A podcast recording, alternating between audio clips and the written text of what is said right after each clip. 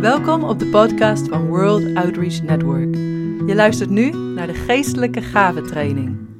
16 unieke en inspirerende lessen over de gaven van de Heilige Geest die je leven gaan veranderen. Bij deze training hoort een werkboek dat onder het kopje Media gratis gedownload kan worden op onze website www.worldoutreachnetwork.org. Deel 7, woord van kennis. Ook zo'n prachtige, prachtige gave is dat. Even een verhaal van de straat, want deze gave kun je dus in de kerk gebruiken, maar je kunt hem ook op straat gebruiken bijvoorbeeld. Uh, jaren geleden woonden wij in uh, Zellem. En toen deden we evangelisatie in Doetinchem. Dat is een stadje daar, uh, daar vlakbij. en op een gegeven moment had ik een groepje tieners voor me. Ik vind dat leuk om met een groepje gelijk in één keer. Dan heb je een beetje interactie en dan de een vraag wat, de ander vraag wat. Maar er was één jongen, die was zo rebels. En die was zo anti. Die zat de hele tijd tussendoor te schreeuwen. Hij zat mij uit te schelden. Hij zat Jezus te bespotten. Dus het kwam op een punt dat ik denk: oké, als dit zo doorgaat, dan kan ik beter misschien weglopen. Uh, en in een split second uh, bad ik in mijn hart. Ik zeg: Heilige Geest, wat, wat heeft u tegen deze jongen te zeggen? En ik kreeg ineens een woord voor hem. Dus ik zeg dan: Ik zeg, jij. Ik zeg: God zegt tegen jou: Ik ben je vader. Ik zal altijd van je houden. Ik zal je nooit afwijzen en je bent altijd welkom in mij. Zijn ogen werden helemaal groot. Hij springt op zijn fiets en hij scheurt er vandoor. En al die vrienden vragen mij: Hoe weet jij dat? Hoe weet jij dat? Ik zeg: Ik weet helemaal niks. Dat was gewoon een woord dat ik van God kreeg. Nou, zeiden ze: Hij is gisteren door zijn vader uit huis getrapt. God zegt: Ik ben je vader. Ik hou van je. Je bent altijd welkom bij mij. gisteren door zijn vader uit huis getrapt. Die hele groep die hing aan mijn lippen. Ze wilden alles weten. Hoe zit het met Jezus? Hoe weet je dat soort dingen? Wat is er? Waar heb je het over? Evangelie met ze kunnen delen, met zijn gebeden. Prachtig. Woord van kennis. Boom. Nou, wat is een woord van kennis? Het is een bovennatuurlijke uiting van een deel van Gods alomwetende kennis. Dus een boven. Ja, ik zal het nog een keer zeggen. Ik zal langzaam nog een keer zeggen. Halleluja. Het is een bovennatuurlijke uiting Daarom heet het een woord van kennis. Het is gesproken, een bovennatuurlijke uiting van een deel van Gods alwetende kennis. Wat zo ontzettend geweldig is aan onze God, is dat Hij alles weet. God weet echt alles. Als je God nu zou vragen, God, hoeveel seconden heb ik geleefd? Dan zou God je dat zo boem kunnen vertellen. Als je God nu vraagt, God, hoeveel haar heb ik op mijn hoofd? Dan kan hij dat vertellen. Ik kan het bij Cornelis vertellen. Halleluja. Nou, uh, ja, nul. Je baat is wel weer moeilijker. God weet alles. En door de Heilige Geest wil God deeltjes van die kennis met ons delen.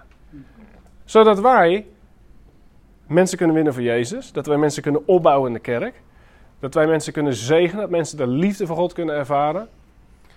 Die vrouw woensdag met haar oliehandeltje, die, die kleine flesjes olie, dat is zo mooi. Als jij gewoon aan iemand vraagt van, hey, heb je een woord van wijsheid voor me over een project waar ik mee bezig ben? En iemand zegt, ja, olie. En, en, jij bent met die olie bezig. Dan heb je echt even dat moment, God kent mij.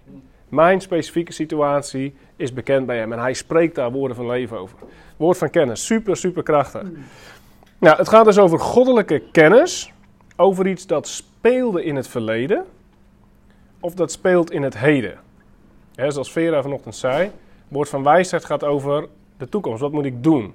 Wat moet ik zeggen? Dat is iets wat nog gaat gebeuren. Het woord van kennis is dus over wat er al gebeurd is, of wat er op dit moment gebeurt. Nou, heel simpel natuurlijk. Ik zeg, ik zeg dit waarschijnlijk ten overvloede, maar ik wil het toch zeggen. Um, een woord van kennis is dus iets anders dan kennis. Als ik dus een boek ga zitten lezen over eh, biologie en uh, ik weet daarna dingen over hoe een hart werkt, dat is kennis. Ja, en dan kan ik tegen iemand zeggen, ja, jij hebt een hart in je en dat klopt en er zitten vier kamers in enzovoort. Dus nou, dat is gewoon kennis. Snap je? Een woord van kennis is echt dat het uit de hemel komt. Dus dat kennis die God heeft, maar die mensen nog niet hebben, dat je die doorgeeft. Dus dat je echt inplucht in de hemel en uit de schatten van Gods kennis een stukje ontvangt en dat deelt met mensen om je heen. Um, geestelijke vruchten van het woord van kennis. Er zijn in ieder geval vier dingen die je vanuit het woord van God ziet op het moment dat er een woord van kennis wordt gegeven. Vier vruchten, vier resultaten. Uh, en die gaan we ook doorheen. Maar ik zal ze in ieder geval nu noemen. Uh, een woord van kennis veroorzaakt geloof in de waarheid. Dus door een woord van. Ja, dat zijn ook die voorbeelden. Dat zijn die titels inderdaad van de, van de voorbeelden, klopt ja. Dus geloof in de waarheid. Jericho. Ja. Als je een vraag hebt, even parkeren, ja, dan kunnen we die aan het einde. Jij vroeg wat voor mij toch? Ja? Jericho. Oh, dank je. Ik krijg even een woord van wijsheid. Halleluja. Jericho. Dankjewel. Super. Geloof in de waarheid. Overtuiging van zonde of van dingen die niet goed zijn. Bevestiging van het goede. En voorbereiding op het nieuwe. En nogmaals, inderdaad, die titeltjes komen dus terug in de voorbeelden die we nu uh, gaan behandelen. Dus woord van kennis kan heel veel impact hebben in levens, in de kerk. Um, in ons persoonlijk leven. Dus laten we naar het woord van God kijken. We gaan uh, door die voorbeelden heen. Voorbeeld 1 is dus een geloof, het uh, ontstaan van geloof in de waarheid. Waarheid is een fundament van Gods koninkrijk. De waarheid maakt vrij. Staat er, hè? We moeten de liefde of de waarheid spreken in liefde. Waarheid is iets wat een kernwaarde is van het koninkrijk van God. Nou, om tot de waarheid te komen hebben mensen soms hulp nodig. Daarom deed Jezus wonderen. Daarom uh, verrichtte Jezus genezingen. Daarom gaf Jezus ook woorden van kennis. Om mensen te helpen om tot de waarheid te komen. Dat is eigenlijk een, een service, zou je kunnen zeggen, die God gewoon doet om mensen te helpen. God had ook kunnen zeggen, joh, ik heb mijn Bijbel gegeven, ik heb mijn woord gegeven, ga maar gewoon lezen. dan kom je tot de waarheid en als je dat niet trekt, nou pech. God zegt, nee, ik ga nog een stap verder. Ik ga mensen actief helpen om tot de waarheid te komen. Door krachten en wonderen en genezingen en woorden van kennis. Dus geloof in de waarheid. Het gaat over Nathanael, Johannes 1, 47 tot 50. Er staat Nathanael, zei tegen hem, kan uit Nazareth iets goed komen? Dus Nathanael zegt eigenlijk van, Jezus de Messias? No way, kan niet. Want een Messias komt niet uit Nazareth. Filippus zei tegen hem, kom en zie. Prachtig hè, kom en zie. Dat was een kerk in Rotterdam, of nog steeds denk ik, die heet Kom en zie. Prachtige naam, kom en zie. Kom maar gewoon kijken, kijk maar, kijk maar naar Jezus. Ha. Zie het vanzelf. Kom en zie. Nou, Jezus, hij kwam dus inderdaad. Dus Jezus zag Nathanael naar zich toe komen en hij zei over hem, hm, zie, Werkelijk, een Israëliet in wie geen bedrog is. Dat is een woord van kennis. Voor Nathanael was het blijkbaar heel belangrijk om in de waarheid te zijn en niet in de leugen te zijn. Dat was echt iets wat in zijn leven een dingetje was, om het zo maar te zeggen. En Jezus, boem, die legde de vinger op zich. Hé, hey, kijk, een Israëliet waar geen bedrog in is. En Nathanael bevestigt dat woord. Hij zegt tegen Jezus, van waar kent u mij? Dus hij zegt eigenlijk, hé, hey, dat klopt, maar hoe, hoe weet u dat? Is eigenlijk zijn reactie. Dan gaat Jezus nog even een trapje verder.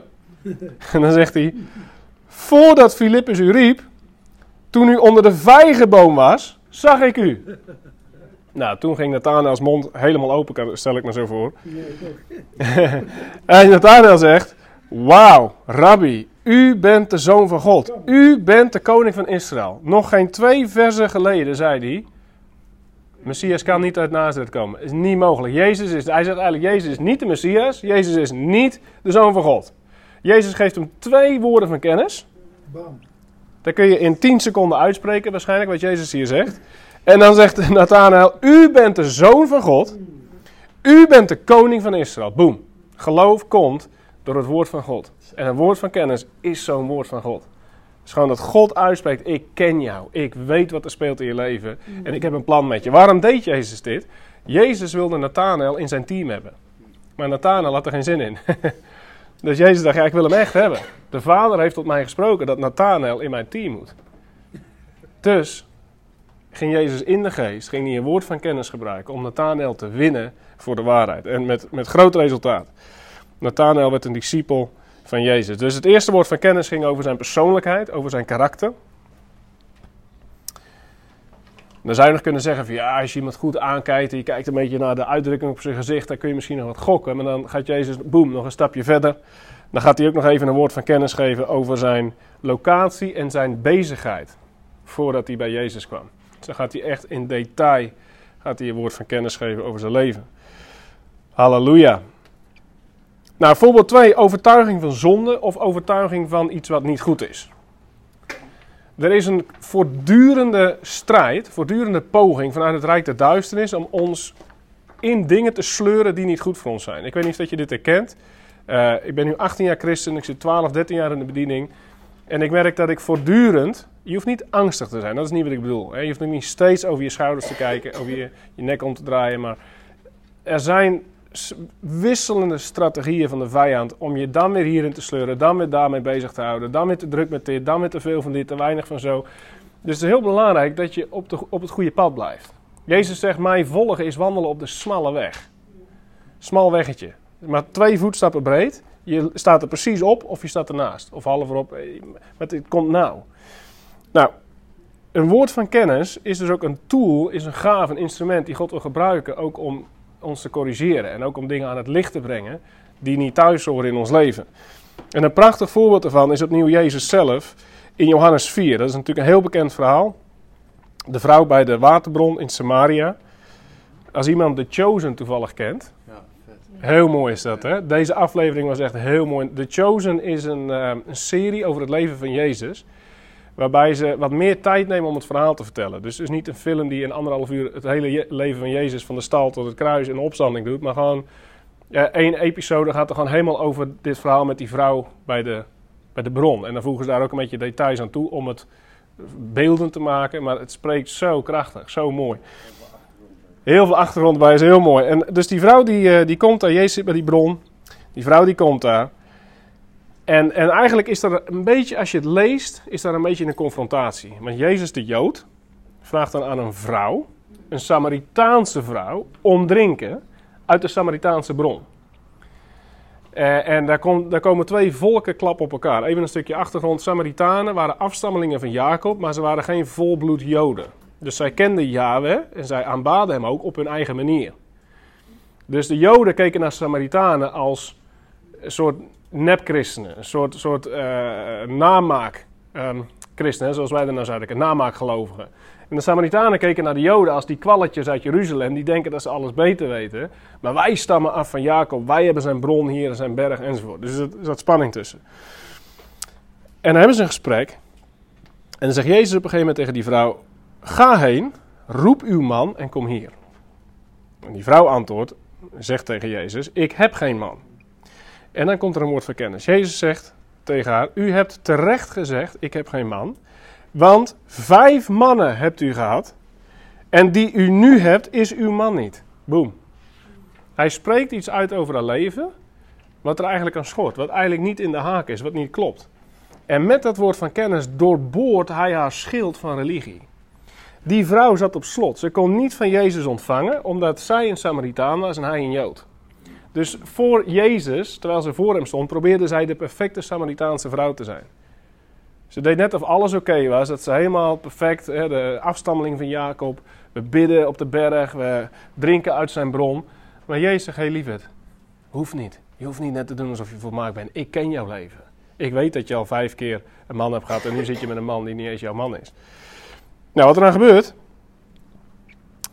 eh, dat die vrouw in vers 28, die laat haar waterkruik staan. Die ging weg naar de stad en zei tegen de mensen: Kom, zie iemand die mij alles gezegd heeft wat ik gedaan heb. Wauw. Dat geeft de indruk dat Jezus nog wat meer woorden van kennis heeft gedeeld met haar. Die alles gezegd heeft wat ik gedaan heb. Zou hij niet de Christus zijn? Dat was revolutionair. Voor een, voor een Samaritaanse vrouw om te zeggen: er zit een Joodse man bij de bron. Zou hij de Christus zijn? Dat was een revolutie. Dat, dat kon eigenlijk niet. Nou, wat gebeurt er dan? Vers 30. Zij gingen de stad uit en kwamen naar hem toe. En als je dan verder leest in het hoofdstuk, dan zie je dat die mensen ook in Jezus beginnen te geloven. Dus zo'n hele stad van mensen die eigenlijk de deuren op slot hebben voor Jezus, omdat hij een Jood is, die gaat om omdat Jezus een woord van kennis geeft over die vrouw, waarbij hij de vinger legt op haar zondige levensstijl, de dingen die, die in haar leven mis waren.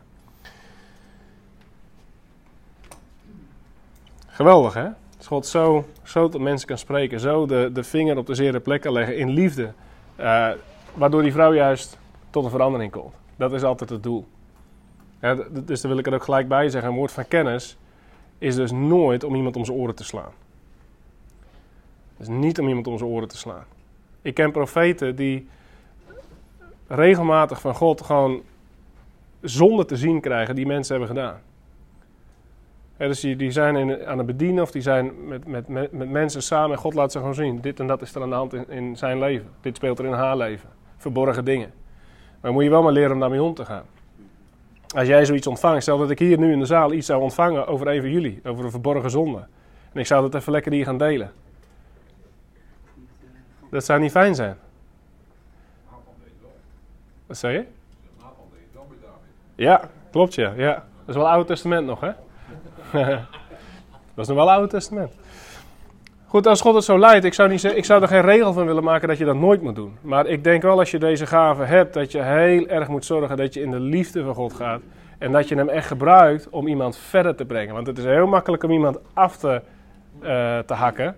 Maar het is moeilijker om iemand mee te nemen. Ja, dat kun je gewoon één op één. Ja. Dus een woord van kennis, bevestiging uh, of overtuiging bedoel ik van zonde of van wat niet goed. Dus dan gaan we naar voorbeeld 3. Woord van kennis, bevestiging van wat goed is. En ik denk dat jullie map net een iets ander titeltje heeft, hè? Nee, man. Oh, dat klopt? Oké, die is hetzelfde, ja. Bevestiging van het goede, ja. Dan gaan we naar het leven van Paulus. En er zit een dubbel woord van kennis in, moet je goed opletten. Geweldig. Vers 10 van Handelingen 9. Was een zekere discipel in Damascus, van wie de naam Ananias was. En de Heer zei tegen hem in een visioen: Ananias. Hij zei: Zie, hier ben ik, Heer. De Heer zei tegen hem: Sta op en ga naar de straat die de rechter genoemd wordt. En vraag in het huis van Judas naar iemand van wie de naam Saulus is, uit Tarsus. Want zie, hij bidt. Vers 12. En hij heeft in een visioen.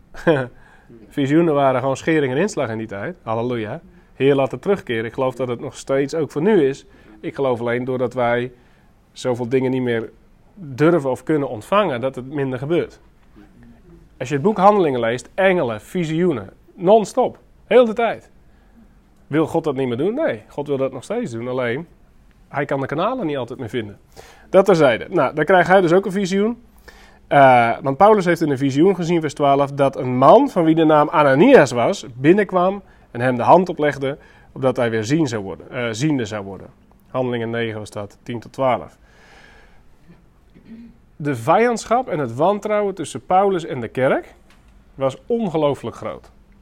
Paulus ging namelijk uh, gewoon door heel dat gebied heen, Jeruzalem, nu zit hij in Damascus, in het Midden-Oosten, ging hij gewoon puur op zoek naar christenen. En dan ging hij ze verraden en dan ging hij ze laten arresteren.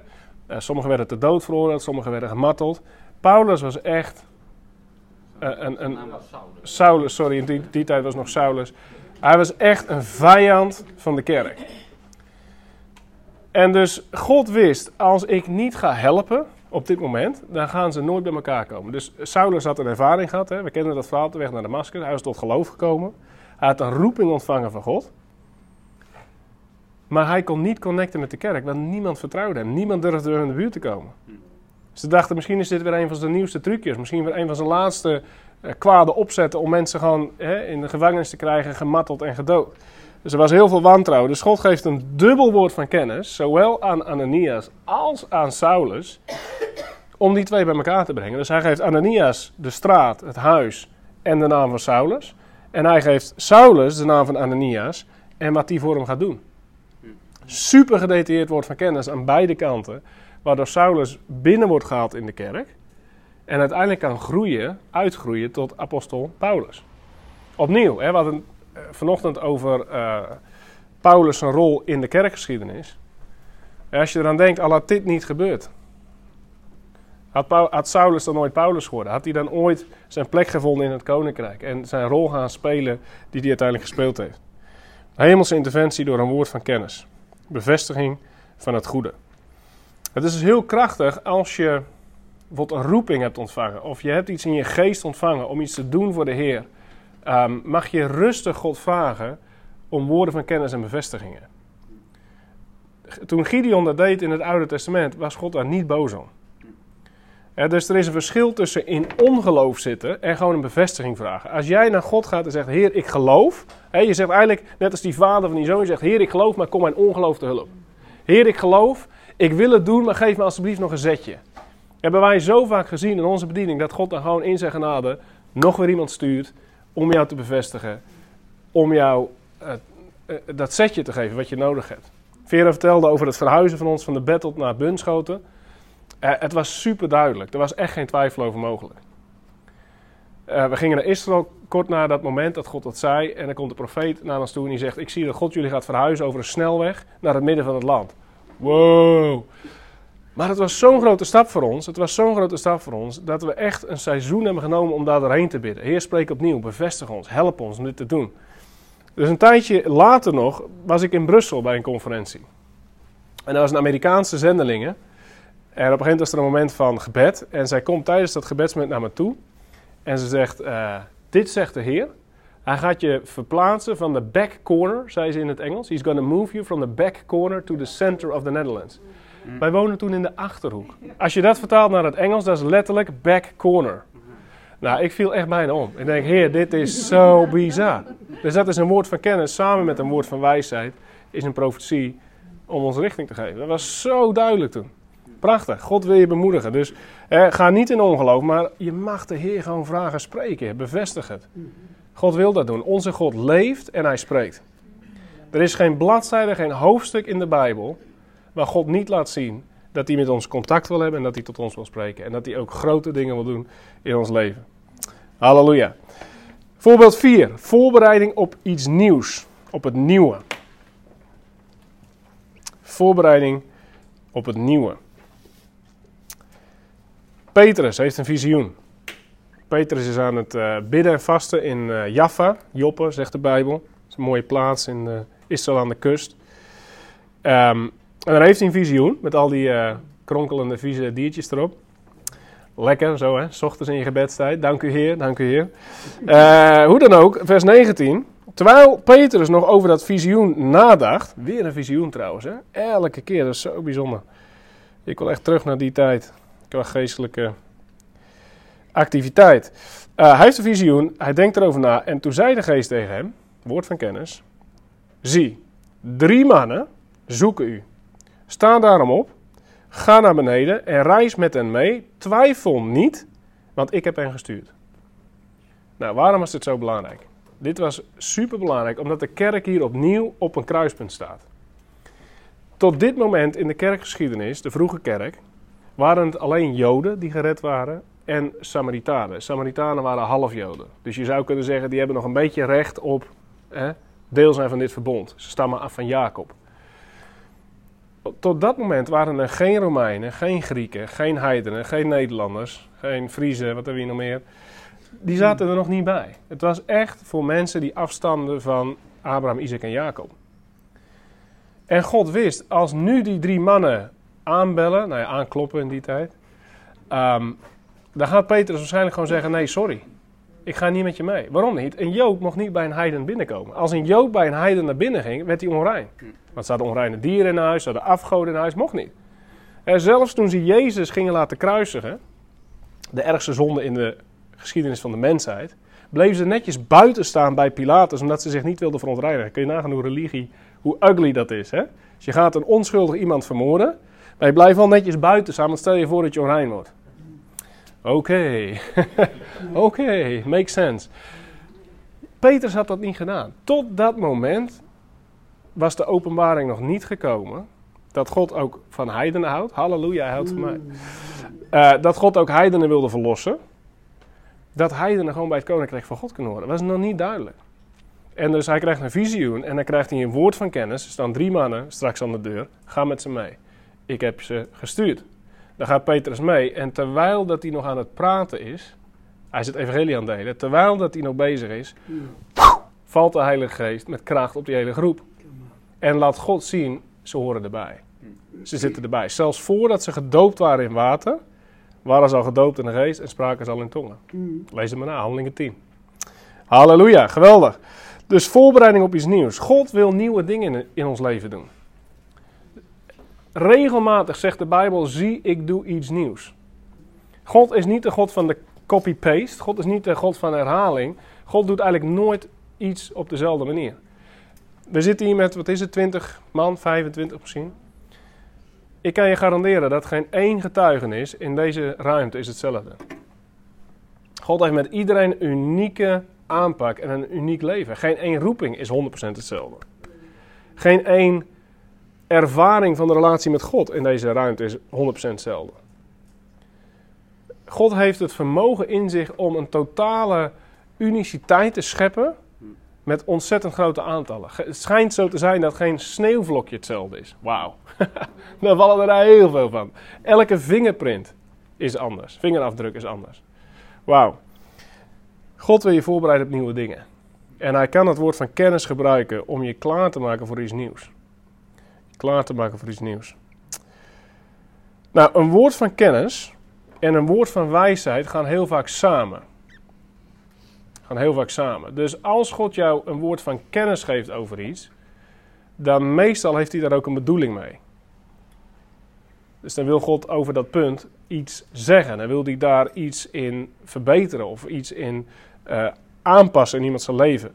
Is een prachtig voorbeeld. Eh, een aantal jaartjes geleden hadden wij een, ehm, een conferentie. En er was een vrouw in die conferentie. Die werkte in het Palestijns gebied in ehm, Israël.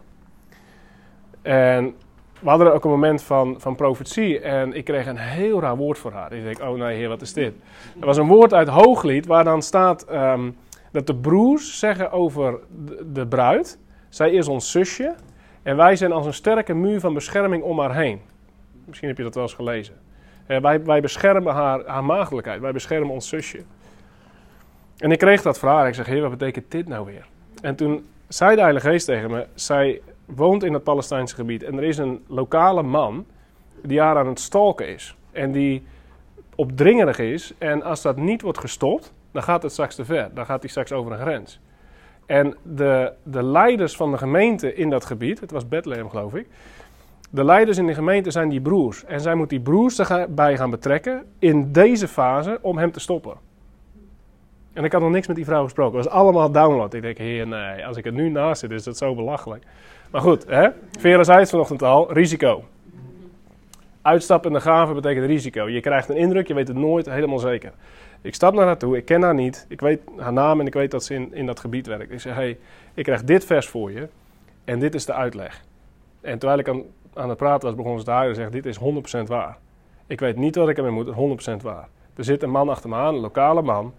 Hij zegt christen te zijn, maar ik voel me er niet veilig bij. Dankjewel. Dus zij gaat terug naar Israël, terug naar Bethlehem. Ze gaat naar de voorgangers of oudsten van de gemeente daartoe. Ze de situatie uit. Zij spreken met die man en het stopt. Opgelost. Wauw.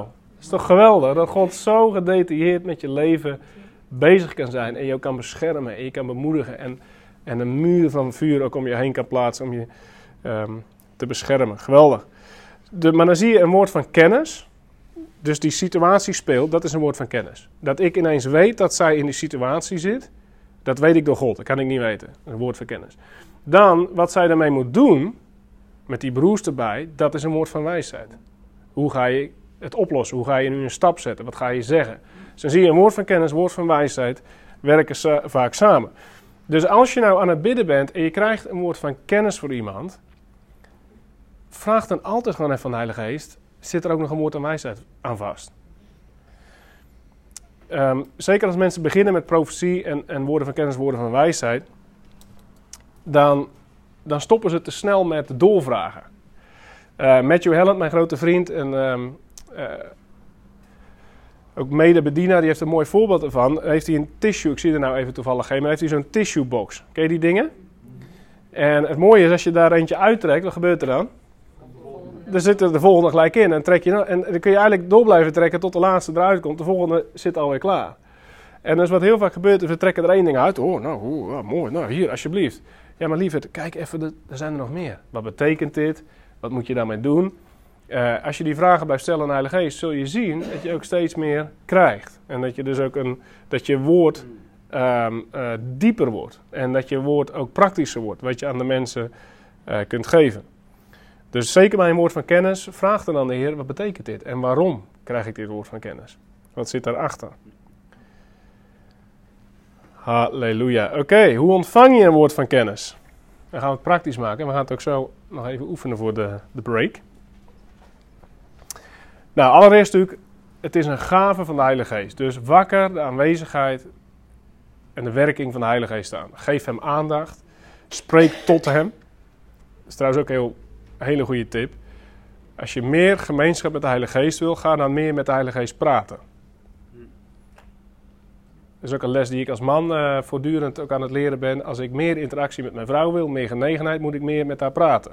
Soms als man heb je een drukke dag gehad, kom je thuis weer gewoon met je voetjes omhoog zitten. En je vrouw wil gewoon horen, hoe was je dag? Nou, dat is goed om dan te praten, want dan krijg je, dan heb je gemeenschap, dan deel je je leven met elkaar. Dus spreek met de Heilige Geest. Je mag tot de Vader spreken, je mag tot Jezus spreken, je mag ook tot de Heilige Geest spreken. Dan gaat hij ook terugspreken, dan krijg je communicatie, interactie. Nou, volgende punt, hoe ontvang je woord van kennis? Wijd jezelf toe om een zegen te brengen en geen aanklacht. Dus je gaat eigenlijk in een zekere zin, zou je kunnen zeggen, met een woord van kennis ga je iemand zijn dossier binnen. Dus God gaat je dingen laten zien over, over iemand anders. Dan moet je wel heel goed van tevoren duidelijk maken voor jezelf. Ik ga dat vragen omdat ik iemand wil zegenen. Niet omdat ik iemand onderuit wil halen.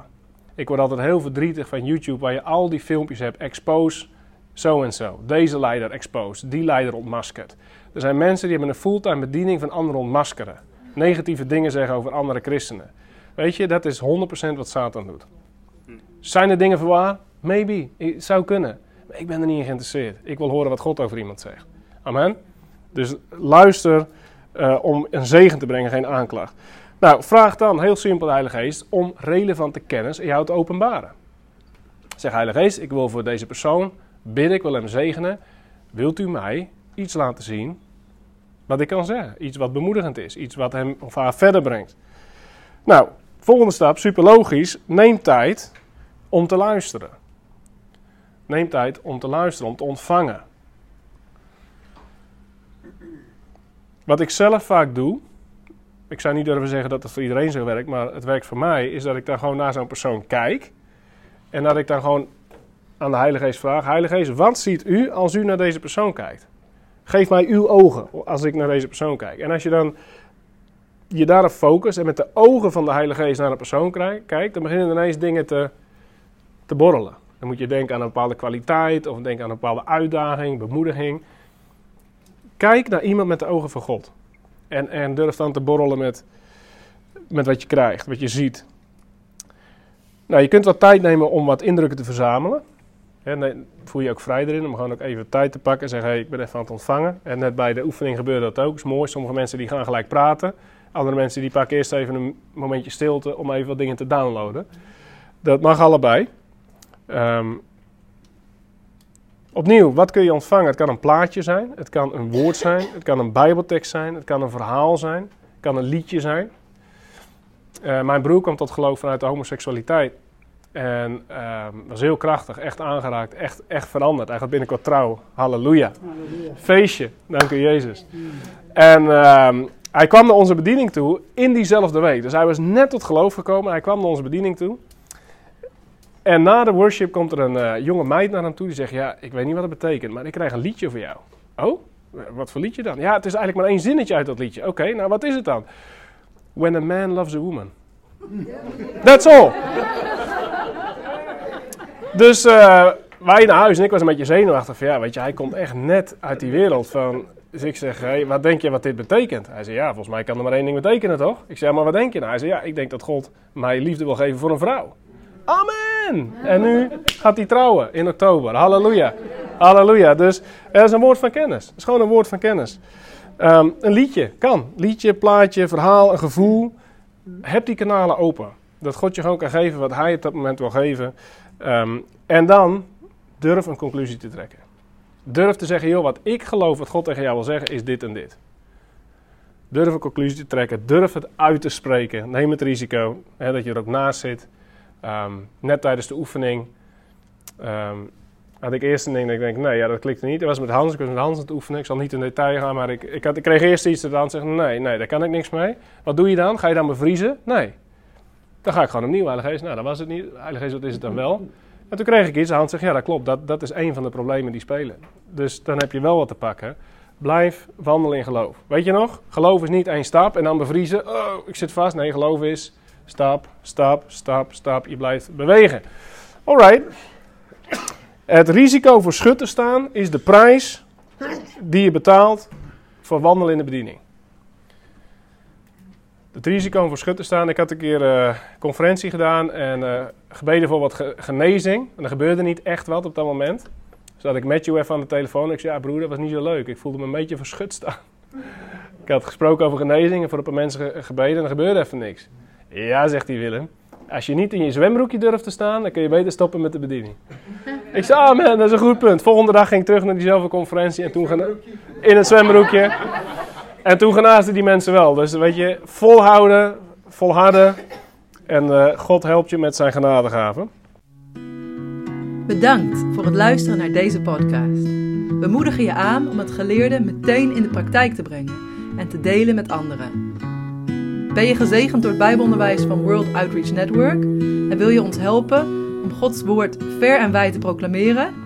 Word dan financieel partner door het online donatieformulier in te vullen onder het kopje Project Wereld op onze website www.worldoutreachnetwork.org.